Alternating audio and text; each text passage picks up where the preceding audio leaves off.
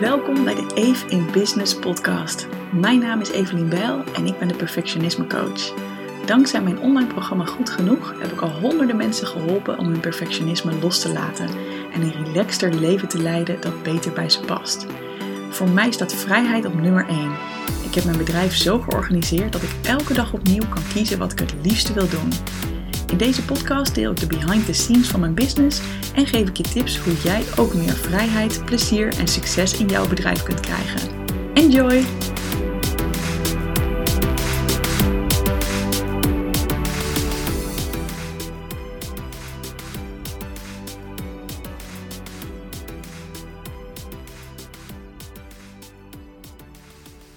Leuk dat je luistert naar deze nieuwe aflevering van de Eve in Business podcast. Woehoe!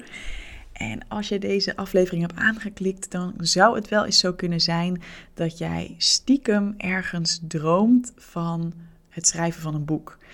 Je hebt misschien al je eigen bedrijf, misschien denk je daar nog over na. Um, en denk je er ook over van, oh, hoe tof zou het zijn om dan ook een boek over mijn onderwerp te schrijven? Nou, ik snap je helemaal, want op dit moment dat ik deze podcast opneem, heb ik zelf twee weken geleden mijn eigen boek uitgebracht. Dat heette Goed Genoeg, 50 tips om je perfectionisme los te laten. En ik kan je vertellen, het was sowieso een, uh, een heel toffe dag. We waren achter al binnen één dag uitverkocht. Uh, ik had duizend boeken besteld. Ik dacht van nou, dat, uh, daar kan ik wel echt een paar weken of maanden mee doen. Maar dat ging echt veel harder dan verwacht. Um, en daarnaast, wat ook wel heel leuk was, is dat ik merkte dat ik echt nog nooit eerder zoveel waardering kreeg van vrienden en van familie als nu ik een boek had geschreven. Terwijl ik voor mijn gevoel al wel eerder toffe dingen heb gedaan. Ik heb een heel mooi online programma en ook daarvoor al wel toffe dingen gedaan en mooie successen daarin gehaald. En dat vinden mensen altijd leuk. Maar toen ik ze een boek kon overhandigen, nou, toen waren ze echt onder de indruk. Want blijkbaar is dat dan toch allemaal wat tastbaarder dan al die, al die ingewikkelde online dingen die ik daarvoor deed en nog steeds ook doe. En uh, nou, dan gaat het natuurlijk helemaal niet om dat jij een boek gaat schrijven omdat je omgeving je dan ineens begrijpt en tof vindt. Um, maar wat ik er zo leuk aan vond, is dat uh, iedereen echt heel erg vol bewondering was van, oh, nu ken ik iemand die een boek heeft geschreven. Oh, wauw, wat bijzonder.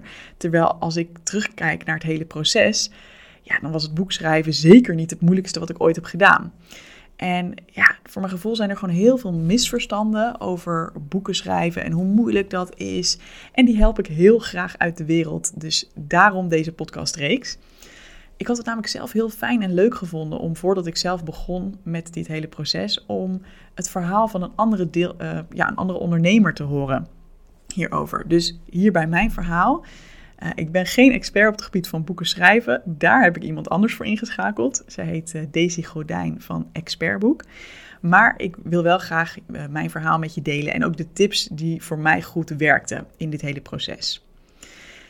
Nou, en omdat ik zo ontzettend veel te delen heb hierover, dacht ik, ik knip het in verschillende onderdelen. Dus ik hak het op in verschillende stukjes.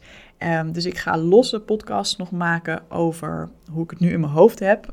Um, over de strategie van het schrijven van een boek als ondernemer. Dus denk dan aan, ja, hoe weet je of dit het juiste moment voor jou is? Um, hoe zorg ik ervoor dat het ook echt geld gaat opleveren? Want een boek zelf, ja, dat is niet per se uh, dat je daar heel veel geld mee verdient altijd. Uh, ja, hoe zorg ik ervoor, moet ik het in eigen beheer uitgeven? Of moet ik een uitgever zoeken? Um, ja, en ook Evelien, hoe heb je dat gedaan dat het ook zo'n succes was? Hè? Dat het in zo'n korte tijd uitverkocht was. Dus dat leek me een leuke aflevering over de strategie van uh, je boek. Hè, dus hoe levert het je uiteindelijk meer klanten en omzet op? En ik dacht ook een losse aflevering over alle praktische zaken. Um, denk aan, ja, hoe heb ik ervoor gezorgd dat ik niet zelf boeken in sta te pakken en te verzenden. Daar heb ik echt, had ik echt geen zin in. Uh, wat kost het eigenlijk als je een boek in eigen beheer uitbrengt? Uh, hoe doe je dat qua vormgeving, et cetera, et cetera. Nou, dat, dat dus in andere afleveringen. Um, in deze aflevering wil ik het helemaal hebben met je over het proces van het schrijven van het boek. Dus echt de, de, de kern eigenlijk.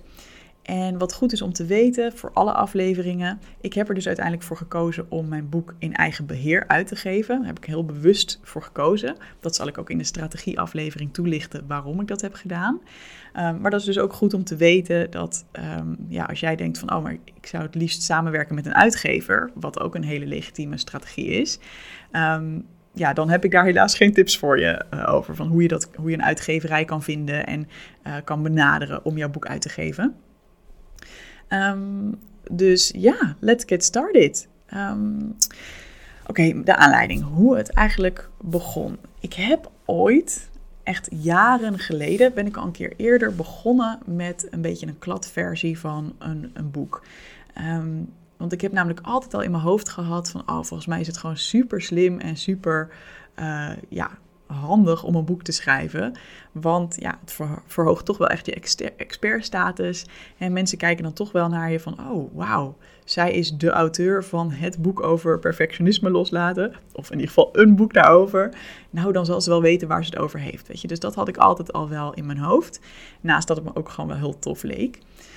Um, dus ik heb het altijd wel bedacht van ja, op een dag wil ik dat wel gaan doen. Maar die keer jaren geleden, nou daar ben ik verder niet echt eh, mee verder gegaan. Achteraf denk ik ook dat dat helemaal oké is. Um, maar ook daarover zal ik dus in de strategieaflevering wat meer zeggen van ja, wat is het juiste moment als ondernemer om een boek te schrijven. Maar wat me ook nog wel een beetje tegenhield, is het idee dat het wel heel ingewikkeld zou zijn om een boek te schrijven. En dit werd extreem concreet toen ik op 9 oktober 2020, ik heb het net even opgezocht, daarom weet ik het zo goed. Ehm, op die datum zat ik met een vriendin van mij lekker te eten. Het was zo, uh, het was al wel coronatijd, hè, obviously, maar uh, het kon dan nog net dat je wel in een restaurant um, kon eten en dan uh, met heel veel afstand, et cetera. Nou, we zaten in Hotel des Indes in um, Den Haag heerlijk gegeten. En we hadden het over het schrijven van een boek, want zij dacht daar op dat moment over na. Um, en ik dacht ook, oh wat tof, ja, ik sta helemaal achter. Ik vind het ook zo'n slim idee. Ik ga dat ook ooit doen. Um, en toen kreeg het er een beetje over van, hè, ging ik een beetje zelf zitten, zitten verantwoorden waarom dan ooit en waarom het dan niet nu mijn keuze was. En terwijl ik dat zo aan het zeggen was, allemaal dacht ik echt, hmm, hé, hey, wacht eens even dit is een beetje hoe de oude Evelien vaak over dingen dacht en praatte. Hè, vroeger, voordat ik ondernemer was, had ik ook allemaal van die uh, dingen van, ja, ja, misschien ooit, maar nou ja, dat is natuurlijk wel ingewikkeld. Hè? Bijvoorbeeld een eigen bedrijf beginnen of zo. Ja, het lijkt me wel leuk, maar ja, ik denk niet dat dat echt haalbaar is, weet je wel? Dat soort van zogenaamd realistische, wat eigenlijk gewoon is van, ik vind het best wel spannend, ik weet niet goed hoe het werkt. Al die belemmerende overtuigingen die je eigenlijk een beetje klein houden, die, die merkte ik op, dat die nog een beetje in mijn hoofd zaten hierover. En dat vond ik wel heel leuk, want ehm, doordat ik het zo uitsprak, kon ik ook bij mezelf te raden gaan van... hé, hey, maar klopt dat eigenlijk wel? Is dat eigenlijk nog steeds hoe ik naar de wereld kijk? Ehm, wil ik wel geloven dat het heel moeilijk is om een boek te schrijven? Of kan ik net als voor alle andere dingen die ik doe... ook gewoon een makkelijke en een fijne manier vinden? Want dat is wel echt hoe ik in het leven sta inmiddels... Um, ik run een fucking succesvol bedrijf. Het gaat hartstikke goed. Natuurlijk gaan er ook dingen niet goed. Maar ik ga het niet allemaal heel zwaar en moeilijk en ingewikkeld maken. Problemen zijn er om op te lossen en het komt allemaal wel goed. Weet je, ik heb inmiddels een heel andere levenshouding. Dus ook voor dingen die andere mensen heel moeilijk vinden, probeer ik inmiddels tegen mezelf te zeggen: Nou, er zijn mensen die dit doen, dus blijkbaar is het mogelijk. Weet je wel? Dus wat ik toen merkte is, uh, dit was op vrijdagavond dat ik uit eten was met die vriendin, met Marloes. Shout-out Marloes als je luistert. En de rest van het weekend um, voelde ik dat ik echt zin had om te beginnen. Ik had echt zin om, om te gaan schrijven. dus waarschijnlijk doordat ik even die drempel bij mezelf had gevoeld en had, ook had gedacht, ja, maar dit slaat nergens op. Um, dus ik herinner me ook nog dat ik volgens mij die zaterdag of die zondag um, tegen Sander zei: Oh, ik voel echt dat ik dit heel graag wil, maar ik weet niet zo goed hoe en ik weet niet of het wel gaat lukken. En daarmee bedoelde ik dan ook: blijf ik dan weer teleurgesteld achter, omdat ik dan wel weer ergens aan begin, maar het niet afmaak. Nou, wat ik heb gedaan is dat ik toen, daar hou ik sowieso heel erg van, is dat ik dan ga kijken van oké, wie kan hier een voorbeeld voor mij in zijn? En ik heb online een boek gevonden van Daisy Godijn. Ik noemde haar net al eventjes. Um, en dat boek heette Expert Tips voor ondernemers die een boek willen schrijven. En dat was sowieso inhoudelijk super handig, want er stonden allerlei goede dingen in van nou, waar kun je dan aan denken, hoe kom je op gang, et cetera. Maar wat ik ook heel tof vond, was de opbouw van dat boek. Want het waren namelijk 50 tips waarin zij eigenlijk haar kennis met mij deelde. Ehm, en toen dacht ik, ja, dit is wel tof. Dus toen ik ook tegen Sander zei van, ja, ik weet het allemaal niet. Toen zei ik, oké, weet je wat? Ik ga nu gewoon naar de studeerkamer. Ik ga gewoon schrijven, al is het maar een uurtje. Ik ga gewoon, uh, schrijven is een beetje, dat was het nog niet helemaal, maar ik ga in ieder geval een plannetje maken. Dus ik ben gaan zitten en wat ik heb gedaan is met die 50 tips in mijn achterhoofd, ehm, dacht ik, oké, wat als ik dus, hè, 50 tips, dat zijn bijvoorbeeld vijf hoofdstukken met allemaal 10 tips. En ik had toen in eerste instantie nog een soort van afkorting bedacht. Ik weet niet eens meer precies wat het was, die afkorting. Groei, denk ik. Ja, zoiets was het, denk ik. Dus G-R-O-E-I. En dan elke letter stond dan voor een bepaald thema. En dan per thema zou ik dan 10 tips geven. En ik ben lekker gaan schrijven en ik heb ook een globale opzet gemaakt al voor de tips die ik dan vervolgens wilde geven. En dat is echt super snel gegaan. Uh, ik heb gewoon alles opgeschreven waarvan ik dacht: oh ja, dit past wel bij dit thema, dit past er wel bij, dit past er wel bij. Um, onder sommige stappen eh, of, of, onderdelen, onder sommige letters zeg maar, had ik wel twaalf tips. Andere vond ik ietsjes lastiger. Maar ik ben het er gewoon lekker uit gaan gooien. En dan moet je niet denken aan dat ik al helemaal die tips in detail uitschreef. Nee, ik heb puur de zinnetjes en de steekwoorden van, oh ja, dan kan ik daar wat over zeggen. En dan kan ik daar wat over zeggen. Oh ja, dan kan ik dit voorbeeld geven. En dan kan ik dat verhaal uitlichten. Dus gewoon op hoofdlijnen had ik al zo ongeveer die 50 tips te pakken. En dat voelde al heel erg lekker, dat ik dacht, wow, nu staat gewoon de structuur van mijn boek al. Ehm, en vanaf daar was het eigenlijk alleen nog maar uitwerken, tussen aanhalingstekens. Dus misschien is dit wel mijn, een hele mooie eerste tip. Uh, kijk eens of je een structuur kan vinden waarvan je denkt, nou, dat zou ik eens kunnen proberen als een soort van kapstok. In mijn geval waren het dus uiteindelijk vijf stappen met 10 tips per stap, dus 50 tips in totaal. Ehm, maar het kan natuurlijk ook een hele andere structuur zijn, dat je gewoon alvast gaat bedenken, oké, welke hoofdstukken zouden erin moeten zitten? Welke thema's wil ik behandelen? En per thema, wat zijn dan de subthemaatjes die ik uh, wil aanpakken? Weet je, het is allemaal niet zo heel ingewikkeld. Het is gewoon, het is een beetje common sense, zeg maar. Um, en vanaf dat moment ben ik het dus elke keer wat verder gaan uitwerken. En hoe dat dan eruit zag, is dat ik uh, regelmatig ochtends werd ik lekker op tijd wakker. En dan had ik echt zin om te gaan schrijven. En dan ging ik ongeveer anderhalf tot twee uur uh, zitten. En dan ging ik gewoon een aantal tips lekker verder uitwerken. dus dan ging ik van die paar zinnetjes en die globale woorden, die steekwoorden, um, ging ik echt gewoon het stukje tekst maken alsof het een heel, hele tip was. En ik merkte dat dat best wel lekker ging. Um, maar toch uh, heb ik dat echt een paar dagen, of hoe zeg je dat, een paar weekjes gedaan in mijn eentje. Overigens niet elke ochtend, maar gewoon wanneer ik zin en tijd had. Um, en op een gegeven moment was ik ongeveer halverwege de 50 tips. En toen dacht ik, nou, als ik dit al op eigen kracht kan doen, dan moet ik zeker met hulp erbij uh, wel een boek kunnen gaan, uh, gaan schrijven. Dus toen durfde ik pas echt te denken van, oh, dit zou wel eens echt kunnen gaan lukken. En wat ik toen heb gedaan, is dat ik Daisy heb gebeld. Ik noemde haar net al. Um, van dat boek. Want dat was natuurlijk een hele slimme marketingtruc van haar ook. Zij heeft allemaal boeken geschreven waarin zij super waardevolle tips geeft aan ondernemers om boeken te schrijven. Dit is trouwens geen gesponsorde podcast, maar ik ben gewoon heel enthousiast over de samenwerking. Um, dus zij geeft heel slim waarde weg in het boek. En vervolgens, uh, zij laat ook doorschemeren daarin van, hey, de, de auteurs met wie ik werk, hè, of de ondernemers met wie ik werk, uh, daar kan het zo, hè, dat kunnen we dit en dit mee doen. Dus bijvoorbeeld, uh, zij heeft een bepaalde structuur die zij vaak aanhoudt met ondernemers. Dat zijn dan de tien, tien stappenboeken. Um, maar je kon ook bijvoorbeeld met haar samenwerken om helemaal je eigen boek te creëren. Nou, dat laatste, dat vond ik wel interessant, maar ik dacht, ja, wat kost dat dan? Hoe werkt dat dan? Dus ik heb haar gebeld. Um, en gewoon eens overlegd van, joh, dit is hoe ik het voor me zie. Hoe zou dat allemaal kunnen werken? En ik was daar eigenlijk aangenaam over verrast. En over kosten zal ik het dus in een losse podcast hebben.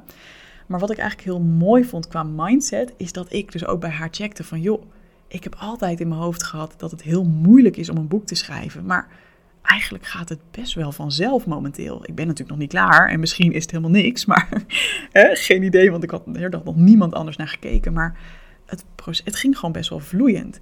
En toen zei zij ook, ja, dat klopt ook. Dat is ook echt zo. Mensen zijn er altijd heel erg van onder de indruk als je een boek hebt geschreven.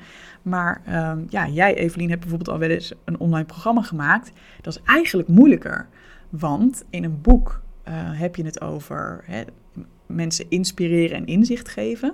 Maar in een online programma, daarin moet je ook echt mensen ehm, ja, een transformatie doorleiden. En moeten ze echt resultaten eruit halen. En hè, bij een boek hoop je natuurlijk ook dat er een bepaalde shift gaat plaatsvinden bij iemand.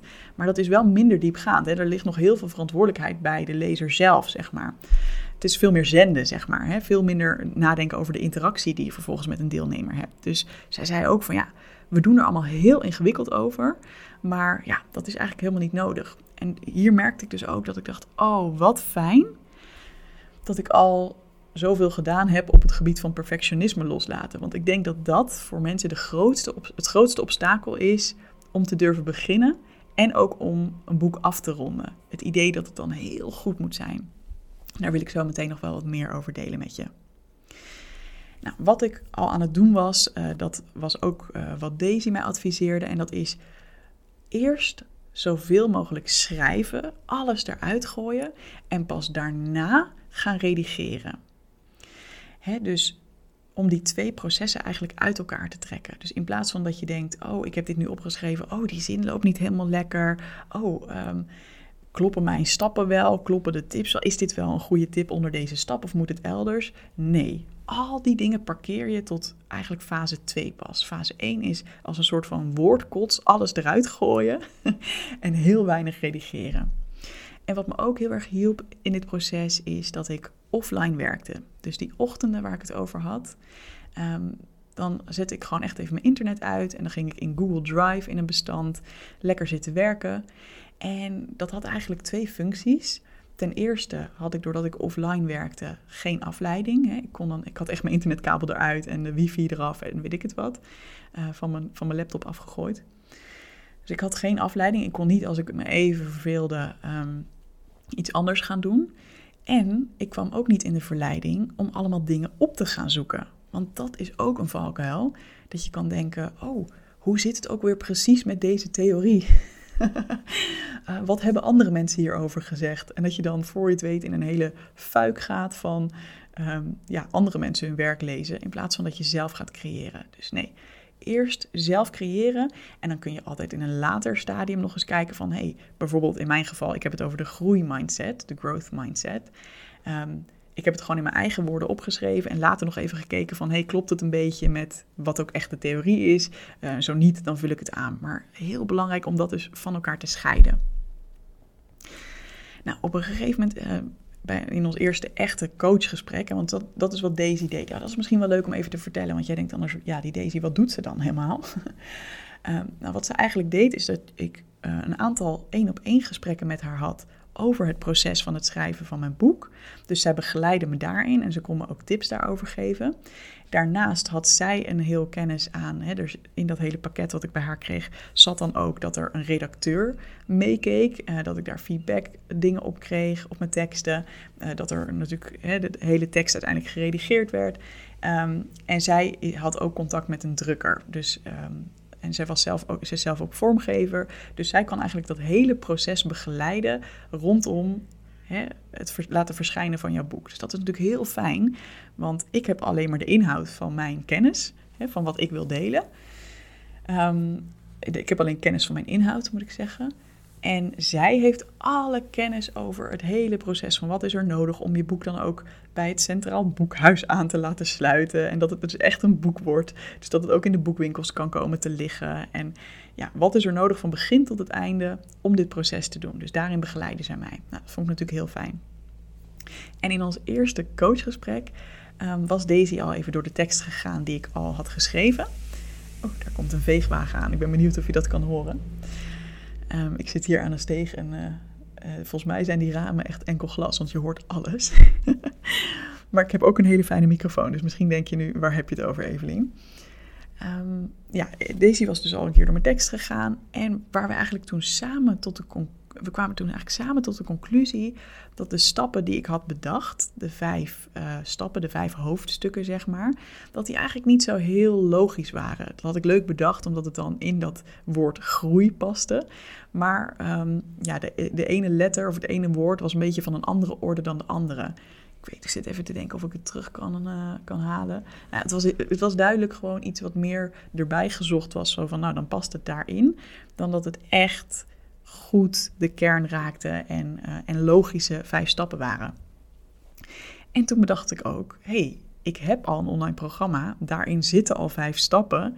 Ehm, waarom gebruik ik die niet gewoon? En ik weet nog ook dat ik dat in eerste instantie bewust niet had gedaan, want toen had ik nog een beetje de overtuiging van, oh, ehm, als het te veel lijkt op mijn online programma, dan koopt niemand het meer. Dus ik wilde het ook niet dezelfde naam geven. Maar op dat moment voelde ik, nee, het is juist goed, want dan is het heel erg in lijn met elkaar. Ehm, en ik zal er zo ook nog even op terugkomen waarom je daar niet al te bang voor moet zijn. Dat mensen je product dan niet meer kopen. Dus de conclusie was: we noemen het boek goed genoeg, net als mijn programma heet. Ehm, en ik gebruik de vijf, dezelfde vijf stappen om je perfectionisme los te laten. Nou, wat ik ook een hele fijne praktische tip van Daisy vond, is dat je per hoofdstuk, dus in mijn geval per stap, een mindmap kunt maken. En wat doe je eigenlijk met zo'n mindmap? Um, met zo'n mindmap breng je alles wat, je, wat belangrijk is voor dat ene hoofdstuk in kaart. He, bijvoorbeeld, wat is de kernboodschap voor dit hoofdstuk? Dus in mijn geval was bijvoorbeeld de, eerste hoofdstuk, het eerste echt inhoudelijke hoofdstuk was stap 1, maak ruimte. En daarvan is de kernboodschap bijvoorbeeld, je hoeft rust niet te verdienen en je mag jezelf dit altijd gunnen.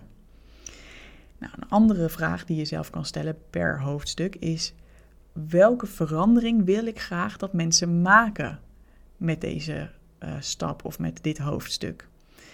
En om die vraag te kunnen beantwoorden kun je weer jezelf vragen van oké, wat houdt ze nu nog tegen? Wat vinden mensen nu nog heel erg spannend?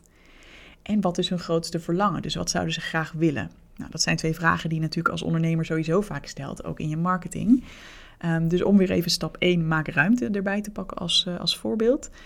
Um, ja, wat is hun grootste angst? Waarom doen ze dat nu nog niet? Waarom uh, vinden perfectionisten dit heel erg spannend en maken ze zich hier zorgen om?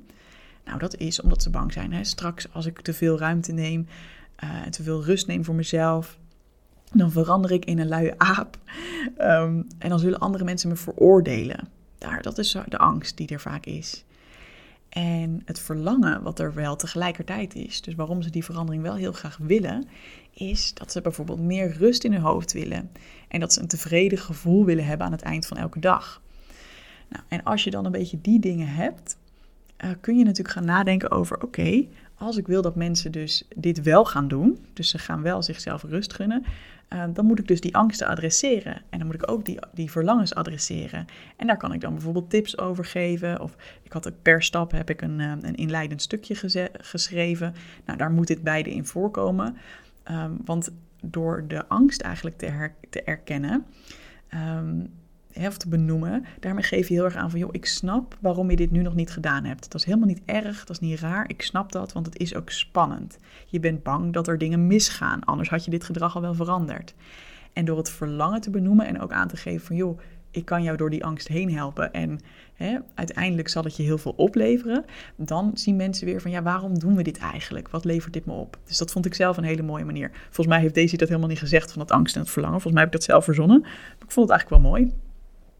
En wat ik ook op zo'n mindmap schreef per stap is dat ik keek van welke klantverhalen kan ik bij deze stap delen. En dat deed ik op twee manieren. Zowel eigenlijk in de tien tips die ik per stap deelde. Uh, daar zaten vaak ook al wel een stuk of drie klantverhalen in. Dus voorbeelden van, van deelnemers aan mijn programma. Um, die, die iets misschien eerst ook lastig vonden, maar het uiteindelijk wel gedaan hadden. Of ja, wat hen geholpen had. Um, en de tweede manier is dat ik ook aan het eind van elke stap een uitgebreider soort van klantinterview had heb gedaan. Um, dus dan dacht ik echt even na bij die brainstorm met die mindmap over, hey, van wie, welk klantverhaal sluit het beste aan om deze boodschap over te brengen? Dus welke klant heeft bijvoorbeeld heel bewust meer ruimte gemaakt en is daardoor nu relaxter en, en blijer? En zo deed ik dat voor elke, stappen, uh, voor elke stap. En natuurlijk heb ik die klantverhalen niet zomaar erin gezet en heb ik niet zomaar mensen hun naam gedeeld. ik heb natuurlijk al die mensen om toestemming gevraagd. En sommige mensen wilden er met hun eigen naam in, sommige mensen niet. Nou, dat heb ik natuurlijk netjes gedaan. Logisch. Dat lijkt me vanzelfsprekend. Nou, dit was dus een hele heel nuttige tip. Um, wat ik ook een heel fijn moment vond, was dat we een feedbackgesprek hadden. Dus toen had ik nog niet alle tekst af. Ehm, toen heb ik uh, vijf tips aangeleverd aan um, Daisy en aan Gisela. Gisela is degene die uiteindelijk mijn boekredactie gedaan heeft. En dan kreeg ik eigenlijk een, een gesprek en een rapportje over mijn schrijfstijl. Dus zowel de pluspunten als de verbeterpunten. En ik vond het best een beetje spannend, merkte ik. Dat vond ik heel, uh, heel grappig om te merken. Want tot nu toe was dit hele proces heel soepel gegaan en heel, heel leuk. En Daisy was enthousiast en uh, ja, ik zag het ook helemaal zitten. Um, maar voor dit gesprek dacht ik ineens: holy shit, wat als ik ineens allemaal dingen terugkrijg dat het helemaal niet goed is? dus daar kwam weer een klein beetje onzekerheid en uh, misschien perfectionisme naar, naar boven. Maar wat ik wel als tip voor jou heb, um, is dat ik vooraf al had aangegeven van... Oké, ik schrijf enorm in spreektaal. Dat vind ik heel belangrijk, want net op die manier zijn ook mijn mails en mijn uh, social media posts en zo geschreven. Dat het net is alsof ik het gewoon lekker tegen je aanklets. Net als, als nu, zeg maar. Het is allemaal niet heel formeel met, uh, oh, stap 1. Uh, um, weet je wel, het is echt echt heel toegankelijk. En dat vind ik ook belangrijk, omdat mijn doelgroep, uh, mensen die last hebben van perfectionisme, die heel streng voor zichzelf zijn, die zijn al in hun eigen hoofd kritisch en streng genoeg. Dus het laatste wat zij nodig hebben, is dat er dan nog iemand komt die eens even gaat vertellen wat ze allemaal precies zo en zo moeten doen. En, uh, uh, nee, ik wil dat het een soort van als een breath of fresh air voelt. Dus Um, ja, dat is voor mij gewoon heel belangrijk in alles wat ik doe. Dus dat heb ik ook vooraf aangegeven aan die redacteur van joh, ik wil zeker feedback, want daar kan het alleen maar beter van worden. Maar er zullen soms dingen inzetten, in zitten die misschien qua schrijftaal uh, officieel niet helemaal goed zijn. Maar dat doe ik dan bewust omdat het spreektaal is. Denk bijvoorbeeld aan dat ik best wel veel scheldwoorden gebruik van holy shit of fuck of kut of nou ja, weet je wel, dat soort dingen zit erin. Uh, ook gewoon een beetje los taalgebruik. Dat is voor mij heel belangrijk. Nou, dat was ook helemaal goed. Daar, uh, daar heb ik ook uh, ja, eigenlijk alleen maar complimenten over gehad van hen. Um, en ik had heel veel ook aan de tip die ik kreeg. Het gesprek ging uiteindelijk trouwens hartstikke goed, dus ik had me voor niks zorgen gemaakt. En een hele goede tip die ik kreeg, die wil ik ook aan jou doorgeven, is schrijf niet te veel in indirecte taal. Dus daar heb ik nog wel een beetje een handje van. Um, dus bijvoorbeeld heel vaak het woord zullen gebruiken. dus ik zal je alle stappen geven die je nodig hebt om je perfectionisme los te laten. Het is dan eigenlijk mooier en fijner voor de lezer als je dan zegt: Ik geef je de stappen om je perfectionisme los te laten. in plaats van ik zal je de stappen geven, ik geef je. Het is gewoon iets compacter, iets duidelijker, uh, leest lekkerder. Dus dat, uh, dat mocht ik overal gaan aanpassen. Nou, dat heb ik ook vervolgens gedaan. Met die tips die ik had gekregen, ben ik al mijn teksten weer doorgegaan. Heb ik dingen aangepast. Um, en ook de, de dingen die ik nog niet geschreven had, heb ik op die manier natuurlijk proberen te schrijven. En daarna kregen we nog verschillende revisierondes. Dus dat is dan dat ik het allemaal aanleverde en uh, nog een keer feedback op alles kreeg en dat dan weer aanpaste. Nou, zo gingen we een paar keer heen en weer. En wat me heel erg hielp hierbij, ook om het in te leveren, is dat ik steeds kon denken van, oh, ik lever nog geen afboek af, uh, ik lever nog geen afboek in, het is maar een eerste versie, uh, hè, de redacteur gaat er nog naar kijken. Dat vond ik heel lekker, omdat ik anders denk ik veel langer was blijven hangen in, oh, ik moet het eerst nog veel beter uh, zelf allemaal nog een keer doorlezen. Nou, ik heb daar zelf het geduld helemaal niet voor. Um, dus natuurlijk heb ik dingen teruggelezen en gekeken van, nou, klopt het allemaal een beetje. Maar gewoon mezelf de toestemming geven om het niet perfect in te leveren, dat was echt een enorme bevrijding. Um, soms merkte ik heus ook wel dat ik een keer tegenzin had. Uh, zeker toen we in dit proces kwamen van redigeren en bijvoorbeeld een flaptekst schrijven en dat soort dingen. Um, en dat vond ik ook niet zo gek, want ik hou nou eenmaal meer van dingen opstarten en van grote lijnen en van nieuwe dingen maken, dan dat ik hou van details en dingen afmaken en dingen helemaal compleet maken. Dat is gewoon niet helemaal mijn jam. Dus ik heb mezelf ook daar toestemming voor gegeven. Um, en hoe, ik heb daar een fijne balans geprobeerd te vinden tussen, weet je, enerzijds absoluut niet doorbeuken wanneer ik geen zin of energie meer had. Dat is iets wat ik vroeger wel gedaan zou hebben. Dan zou ik denken, ja Evelien, de deadline komt in de buurt, hè, dat je het in moet leveren. Ehm, uiteindelijk moest ik het namelijk voor de kerst inleveren. Dus dat was in. Volgens mij moest ik het 14 december inleveren of zo. Dus ik zeg een boek schrijven in twee maanden. Ja, officieel. Misschien heb ik er iets langer over gedaan. Maar nou ja, hè, toch best wel snel. Ehm, en het grootste gedeelte was al wel echt af in twee maanden. Dus dat klopt wel. Ehm, maar in ieder geval, dat ik dus, het hielp dan heel erg om tegen mezelf te zeggen: Oké, vandaag, bijvoorbeeld op een gegeven moment kreeg ik wel eens hoofdpijn of zo. Dat ik dan echt voelde van, nou, ik voel hem gewoon even niet vandaag. Dan doen we vandaag even niks meer daaraan. Ga je gewoon lekker chillen en dan kun je altijd morgen weer verder. Ehm, en dat is wel iets wat ik ook echt heb moeten leren. Dat is eigenlijk los van dit boekenproces. Um, gewoon überhaupt mijn reis als mens. Hè. Daarvoor heb ik natuurlijk ook die hele perfectionisme podcast en mijn hele programma. Dat gaat natuurlijk allemaal hierover. Hè. Dat je jezelf toestaat om, ja, om naar jezelf te luisteren. En om jezelf te gunnen ehm, ja, ruimte te nemen. Wat ik net ook al zei wanneer je denkt van ja, dit, dit is gewoon even niet het moment. En er ook daar het vertrouwen in hebben van het komt wel weer, het komt wel weer. Uh, en tegelijkertijd hielp het me ook heel erg om te denken van Eve, je mag gewoon lekker doorgaan. Het geeft helemaal niks als dit boek niet perfect wordt. Ehm, stel nou dat ik dit boek geschreven heb en, en het is bij de drukker en dan bedenk ik, oh nee, ik ben nog iets heel belangrijks vergeten. Nou, kan ik altijd een tweede boek schrijven. Dat hielp me ook heel erg. Dus uh, enerzijds niet een soort van mezelf door de strot duwen van je moet nu aan het werk en uh, weet je wel, stel je niet aan, gewoon doorzetten. Absoluut niet. Um, maar wel mezelf uitnodigen, ook als ik het een beetje spannend vond of een beetje moeilijk of als ik dingen tegenkwam dat ik dacht, oh ja, klopt dit wel helemaal? In de zin van, hè, is deze tip wel echt onder deze stap? Of uh, is het, zou ik hier eigenlijk een betere tip voor in de plaats kunnen maken? Bij al dat soort dingen dacht ik, ga maar gewoon door. Ga maar gewoon, begin maar gewoon weer. Bijvoorbeeld die flaptekst schrijven vond ik ook vreselijk.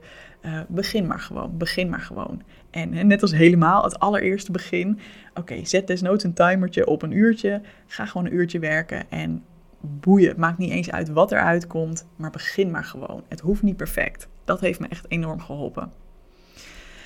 En eigenlijk nog als allerlaatste waar ik het net ook al even over had, is iets wat ik ook voelde uh, af en toe is, oeh, dan had ik echt iets geschreven dat ik dacht, oh ja, dit is heel waardevol en heel fijn voor mensen. En dan kwam er soms zelfs een beetje een angst van, geef ik nu niet te veel waarde weg? Hè? Met als angst natuurlijk, straks lezen mensen dit boek voor uh, eh, 20 euro of minder. En dan uh, kopen ze mijn programma niet meer, want dat is natuurlijk veel prijziger. En ja, is dit, nou, is dit nou wel slim? Maar elke keer dat ik dat dacht, dacht ik ook alleen maar: nee, ga maar gewoon lekker door, Evelien. Want hoe inspirerender mensen dit boek vinden, hoe groter de kans juist uiteindelijk dat ze klant bij mij gaan worden. En ik wil sowieso geen half werk gaan leveren of me inhouden, omdat mensen dan wel nog wat bij me moeten kopen. Weet je? Ik geloof er gewoon sowieso heel erg in dat het juist heel erg helpt om heel veel waarde te geven. Um, en natuurlijk wel strategisch na te denken over van hé, hey, wat vertel ik hierin? Wat vertel ik in uh, het programma goed genoeg?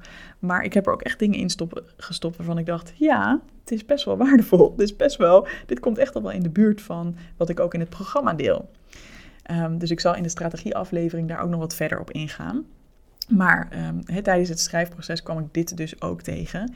Uh, en is het dus juist mijn intentie geweest van nou ik hoop dat heel veel mensen hier gewoon heel veel aan hebben. En ik hoop dat heel veel mensen hier blij van worden. En ik weet gewoon en ik vertrouw erop dat er ook altijd mensen zullen zijn die dan nog denken: ah, dit was zo tof. Ik ga het aanraden aan anderen. Dus dat is al heel mooi. En ehm, ik wil zelf of iemand anders wil ik aanraden om ook echt mee te gaan doen aan het programma. Alright, nou dat was mijn verhaal over het schrijfproces. Ik ben heel benieuwd wat je ervan vond. En of je er voor jezelf ook een tip uit hebt gehaald waarvan je dacht: ja, dat, dat vind ik een goede, die neem ik mee. Dus ik zou het super leuk vinden als je dat op Instagram laat weten. Ik zal even een post plaatsen specifiek over deze podcast. En uh, altijd heel leuk als je daar, uh, daaronder wil reageren. Um, dus dankjewel voor het luisteren. En uh, ik heb nu alvast zin in aflevering 2 over het schrijven van een boek. Hey, doei doei!